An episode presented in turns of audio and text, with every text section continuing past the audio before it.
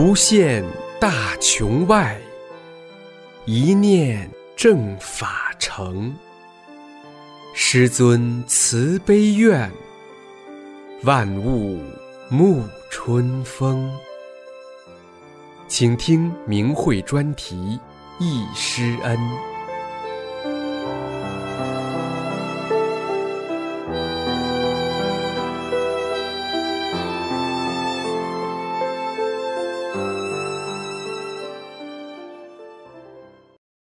请听明慧忆师恩专题文章，题目是《延边大法弟子忆师恩》，作者延边大法弟子。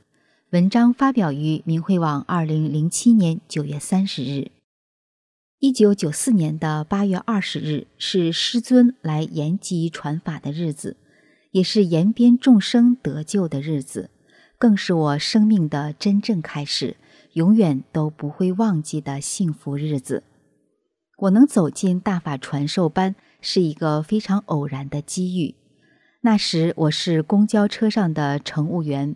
八月二十日早上，我正好是接站班，车上突然上来了许多外地乘客，像来自国内各地。他们中有仪表讲究的，也有穿着朴素的，但却都有一个共同之处，就是询问延吉体育馆怎么走。看他们风尘仆仆，不知为何而来，我心中好奇的禁不住问了一位看上去只有五十岁左右的阿姨。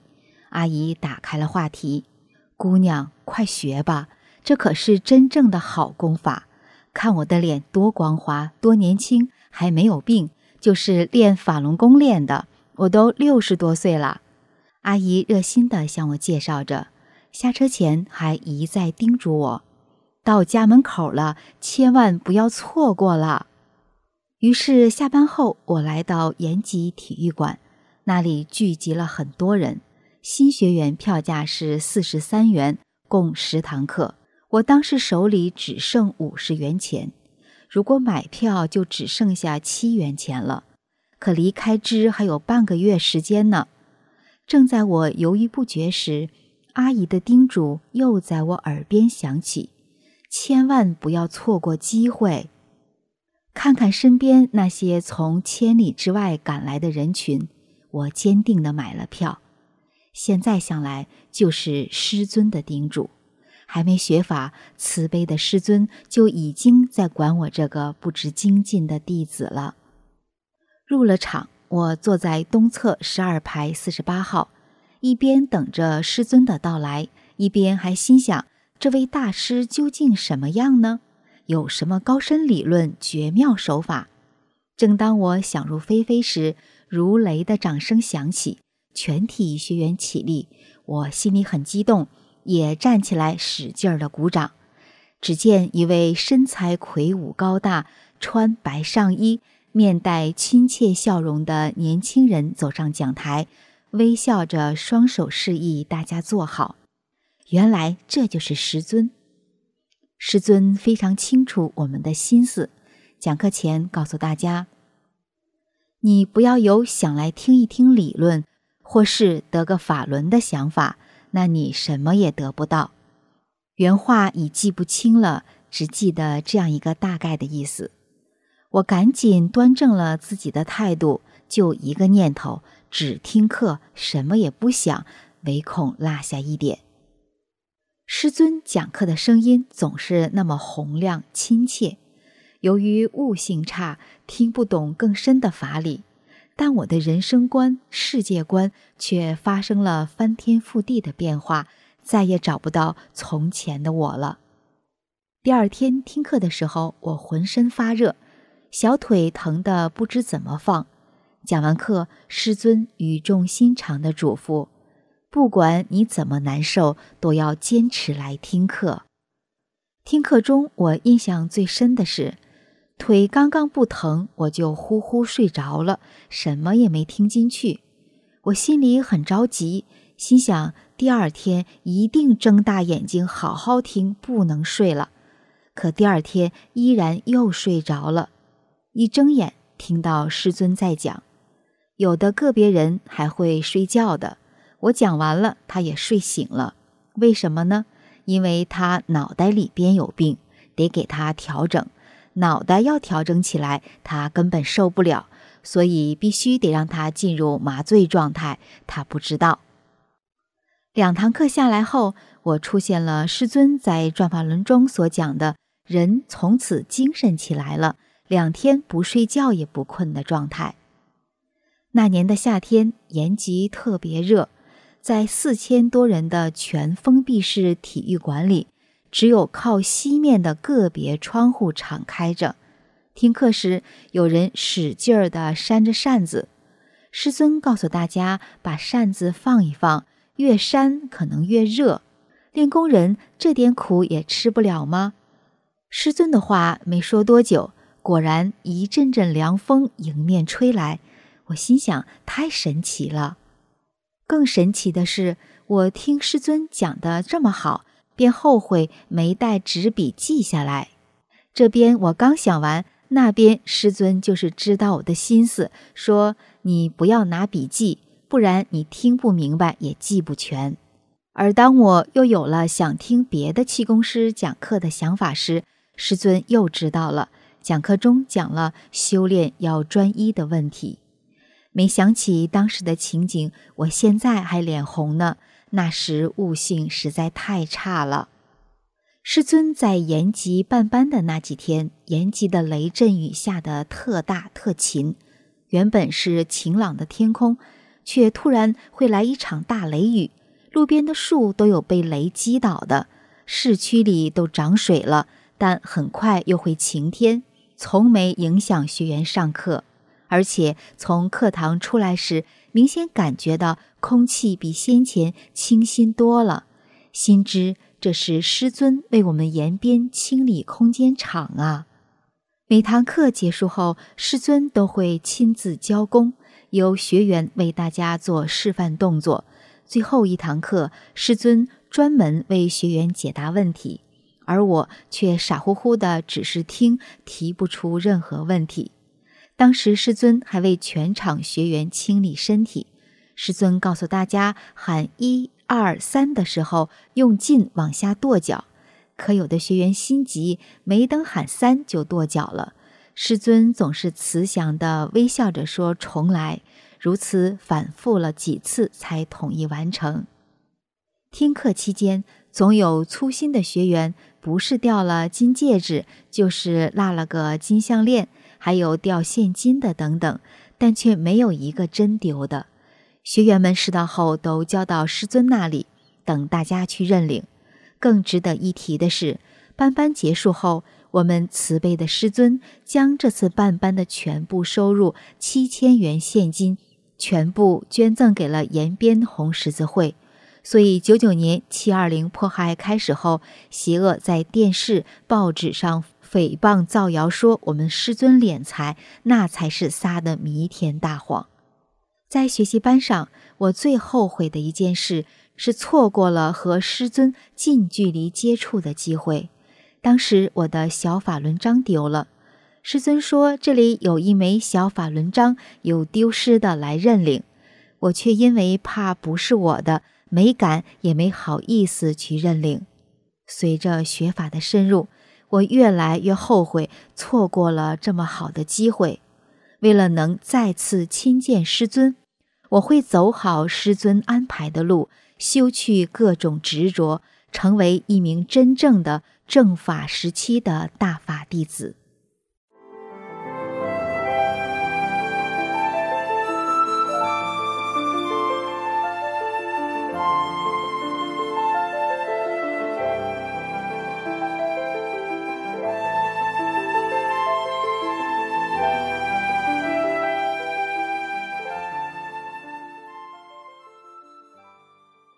请听易师恩专题文章，题目是《易师恩》。二零零八年五月十五日，我今年六十岁，是九四年得法的大法弟子。在师父生日和世界法轮大法日到来之际，作为师父的弟子，我衷心祝愿师父生日快乐，愿法轮大法在全球更多国家和地区广泛红传。这些日子。我和国内的老弟子一样，倍加想念恩师，经常沉浸在师傅当年在天津八一礼堂传法时的无比美好的回忆之中。大法使我的身心巨变，我也沐浴在佛恩浩荡之中。在纪念师傅传法十六周年之际，我把这些美好回忆写出来，与同修共享。一九九四年三月十四日的那天，我在朋友的介绍下，参加了师傅在天津八一礼堂举办的第二期法轮功学习班，有幸聆听师傅讲法。在这之前，我没有练过任何气功。也不懂什么是佛，什么是道，更不懂什么是修炼。但在听了师傅第一天的讲法后，我的大脑好像一下茅塞顿开，明白了自己以前苦苦思索而又不得其解和想要明白的问题，明白了人生的真正意义和做人的目的，确实使我的人生观和世界观都发生了很大改变。我看到。师傅每天讲法时，只是从上衣口袋里掏出一张白纸，这张纸就是师傅的讲稿。我当时有些纳闷儿，师傅讲了那么多，内容丰富、内涵高深的，怎么只有一张白纸呢？后来通过不断的学法修炼，我才明白了，大法是师傅的，法就在师傅的心里装着，师傅心中有无量的智慧。在学习班上，我坐在第一排，看师傅看得非常清楚。师傅看上去三十岁左右，高大魁梧的身材，仪表堂堂，气质非凡。在办班期间，师傅讲了十堂课，但从没见过师傅喝过一口水。师傅口才非常好，吐字清楚。在聆听恩师讲法时，感觉到一股股热流不断的通透我的全身，倍感温暖与幸福。第二天上课，师傅刚一开始讲法，我就脑袋发胀，两眼睁不开，睡着了。后来我才明白，这是师傅为了给我调整大脑、净化身体而安排的。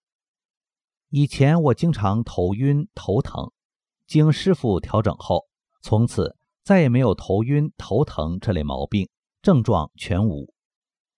因我从小体弱多病，七岁得过脑膜炎，十一岁开过颅。在练法轮功之前，患高血压、心脏病，高压一百六十，低压一百一十。平时睡觉不能脸朝上平躺，血粘度高，整天头晕，浑身没有力气，爱睡觉，一年四季离不开药。从参加师傅讲法班以后，高血压和心脏病全好了，血压正常了，全身轻松，体会到没有病的美好。以前上楼气喘吁吁，现在上楼好像有人推我一样，身体状况比年轻时还好，走路一身轻。学法后，随着对法的理解和心性的不断提高，我悟到我和师傅有缘。其实我的生生世世，师傅都在看护和保护着我。一九五七年，我七岁时得了脑膜炎，在当时的老人讲，凡是得了脑膜炎，十个得九个死，即使活着，那也是个傻子。我奇迹般的活了下来，且没有傻。十一岁时，我得了中耳炎，当时医疗条件差，六月份天气很热。手术后，由于各种原因，中耳发炎化脓，又感染到了大脑，得做开颅手术。可大夫不敢做。经我父母苦苦哀求后，大夫说：“只有死马当活马治，生死不保。”我父亲哆哆嗦嗦的签完合同后，就只有听天由命了。当时大夫拿我做了试验，手术后一个星期不省人事。五官全挪位了，看不见黑眼珠。一个月后下地走路，就像婴儿学步一样。我又奇迹般的活下来。一九六七年，我十八岁。有一次，父亲的同事家中老人过世了，父亲让我去帮忙。第二天下午事情办完，我骑自行车回来。那时我刚学会骑自行车，骑得不好，又加之很累。当骑到河堤大坝时，一紧张，身子一歪，摔倒在大坝边上。坝顶离水面有两丈多高，水还不知道有多深。就在我要掉下去的一瞬间，心想：完了，摔下去必死无疑。瞬间就好像有人把我拽了一下，结果没有摔下去。修炼后，我明白了，是师傅一次次救了我。一九六八年夏天，当时在甘肃生产建设兵团工作。中午休息，我们几个人练习上房。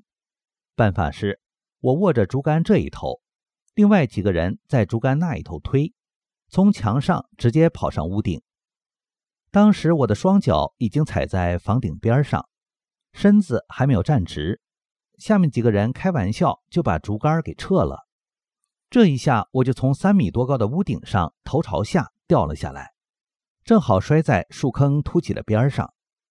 在那一瞬间，感觉好像有人拖着我的腰，否则头冲下也就摔死了。我爬起来扑了扑身上的土，哪儿也不痛。当时只是觉得自己命大，修炼后才明白，师傅再次保护了我，真是施恩难报啊。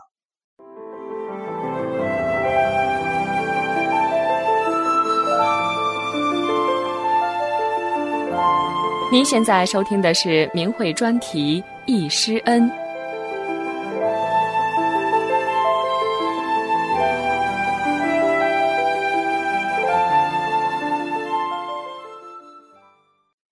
学习班上让我最难忘的那天是师傅讲法的第七天。那天天气晴朗，弟子们和师傅一起合影留念。这时我们都可以近距离看到师傅。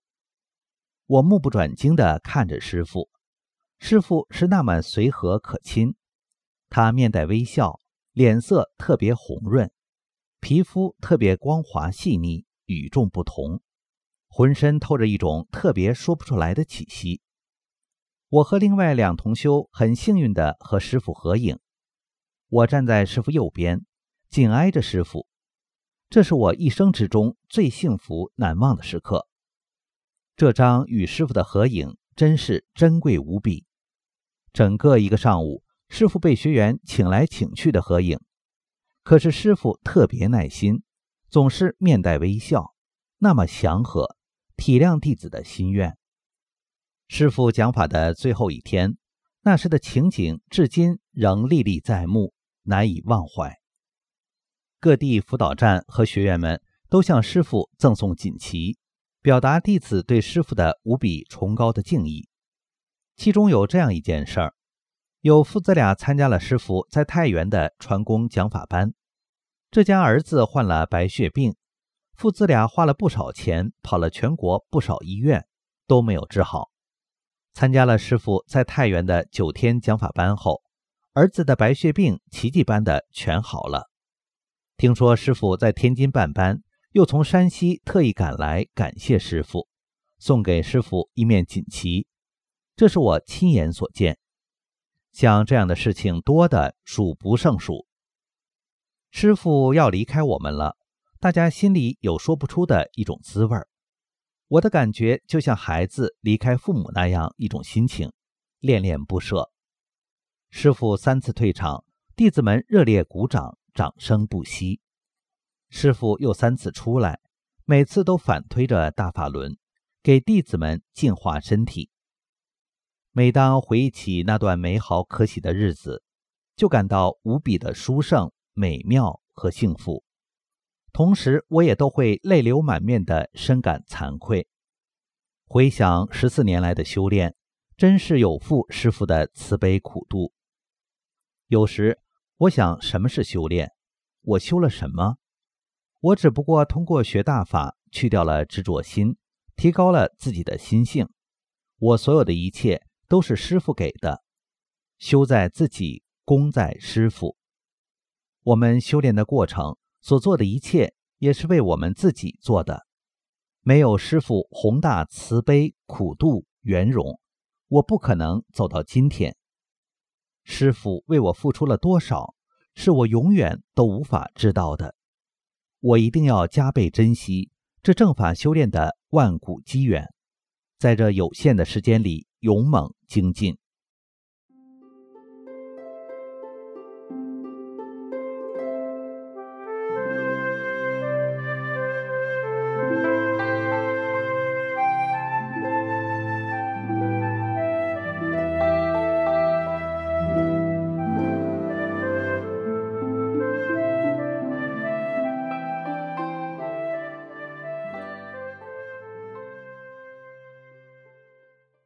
请听明慧忆师恩专题文章，题目是《师恩难忘》，忆参加师尊传法班的日子。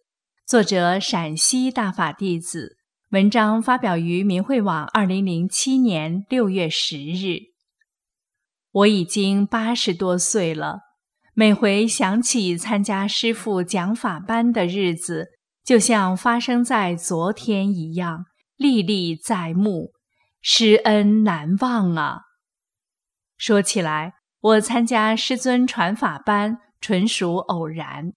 那是一九九四年二月，刚过年，我去姑娘家去看她，坐在她家的沙发上休息，就感到满脸、鼻子、眼睛都在跳动。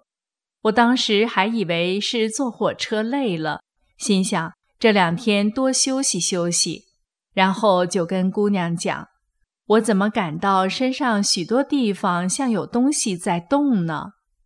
谁知姑娘激动地说：“妈呀，您可真有缘分！这是法轮在帮您调整身体呢。”我当时还不知道什么是法轮，姑娘就简单的跟我介绍了一下法轮功及师尊传法的情况。然后姑娘说：“妈，您别急着回去。四月十五日，师傅还要来办班，咱们一起参加吧。”我当时已练了其他气功，不太想学。现在想想，真是悟性太差了。姑娘看我不太积极，就把师傅的照片让我看。我一看到师傅的照片，就感到师傅很亲切。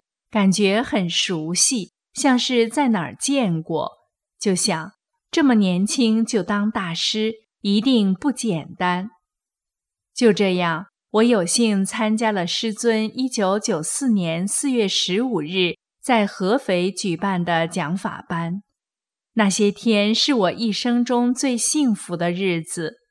原定十天的班，由于外地学员很多。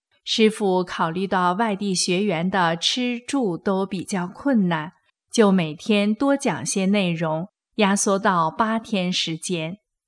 讲课第一天，因为我的座位靠边，看不太清楚师傅，但不知怎么的，眼泪不停地流。那时的我并不明白，只想自己这么大年纪了，还像小孩似的掉眼泪。可别让其他学员看到了，多不好意思。现在想想，是自己明白的一面，看到了自己多么幸福，有幸参加师傅的讲法班，看到师傅给了我们多少好东西，打掉多少坏东西，明白的一面太激动了。后来，为了能近距离的看看师傅，我就每天早早到班上。等在礼堂大门口，能就近看看师傅。那时也不懂用什么礼节来敬仰师尊，也不懂双手合十，只是像孩子似的注视着师尊。看到师尊就高兴得不得了。那时我的悟性不高，参加讲法班的目的也只是想看看师尊。头两天师傅讲什么都不太明白。也不太上心。到了第三天，师傅告诉我们要帮我们调整身体，要求大家站起来，用力跺脚，先跺左脚，再跺右脚。我想，我从小右脚就有毛病，走路时间稍微一长就很痛，哪里还敢跺呢？转念又想，有师傅在呢，怕什么？这时左脚已经跺完了。只感觉全场都在震动，要跺右脚了。师傅说：“用力跺。”我的右脚就用力跺了下去，一点不痛，反倒觉得很舒服。从那以后，我再也不觉得右脚痛了。从师傅给我们调整身体后，我才真正意识到自己遇到了真正的大师，才开始认真听师傅讲课。十堂课听完，我觉得我的世界观、人生观都发生了变化。再不像以前那样对人对事了，也懂得了做人要真诚、善良、忍让。真后悔自己头两天没能认真听课，现在想起来还感到后悔。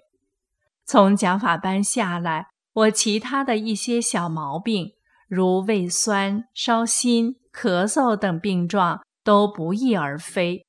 那时我虽然对修炼认识的并不深刻，对师傅讲的真善忍和宇宙大法的真正含义也不太明白，但师傅的言传身教，师傅的音容笑貌，都深深地铭刻在我心中。在以后的修炼过程中，无论如何艰难，我都能随时随地的用真善忍来要求自己。都没有动摇我对大法的坚定之心。十堂课结束了，我们都聚集在礼堂大门口，舍不得走。师父出了礼堂，对大家说：“我送你们一程。”我们才依依不舍地离开师尊。那天天很黑，姑娘骑车带着我在凹凸不平的土路上一路往家奔。半个时辰后，我和姑娘顺利回到她家。可当姑娘准备将自行车推入车棚时，却怎么也推不动了。仔细一检查，才发现自行车竖梁与脚蹬处已全部断裂。我俩看到这儿都震惊了，也很后怕。再回想师傅送大家时所说的话，才恍然大悟。师傅一路都在保护我们呀。在以后的岁月里，我不断的学法练功，思想境界得到了升华，真正体会到了大法给我带来的美好，是师傅的慈悲救度，使我亲身感受到了佛恩浩荡。一九九九年七月二十日以后。江魔头利用手中的权力，一意孤行，对法轮功进行打压迫害；利用坏人打手，对大法弟子迫害恐吓。我也曾被绑架、被威逼恐吓，但无论多么严酷的环境，也没能动摇我修炼法轮大法的决心。得法至今已经十三年了。看到其他地区大法弟子回忆在师父传法班上的经历，我也一直想把闷在心里的话说出来。当年有幸见过师父，亲耳聆听师父的讲法，但由于自己没有文化，不能充分表达对师父的感恩，拖到现在才写下来。感谢师父。愿我们所有的大法弟子都能抓紧时间做好师父要求的三件事，在走向神的路上勇猛精进。这是我参加师父传法班的经历，愿和同修们一起分享。如有不妥之处，望指正。谢谢。何时？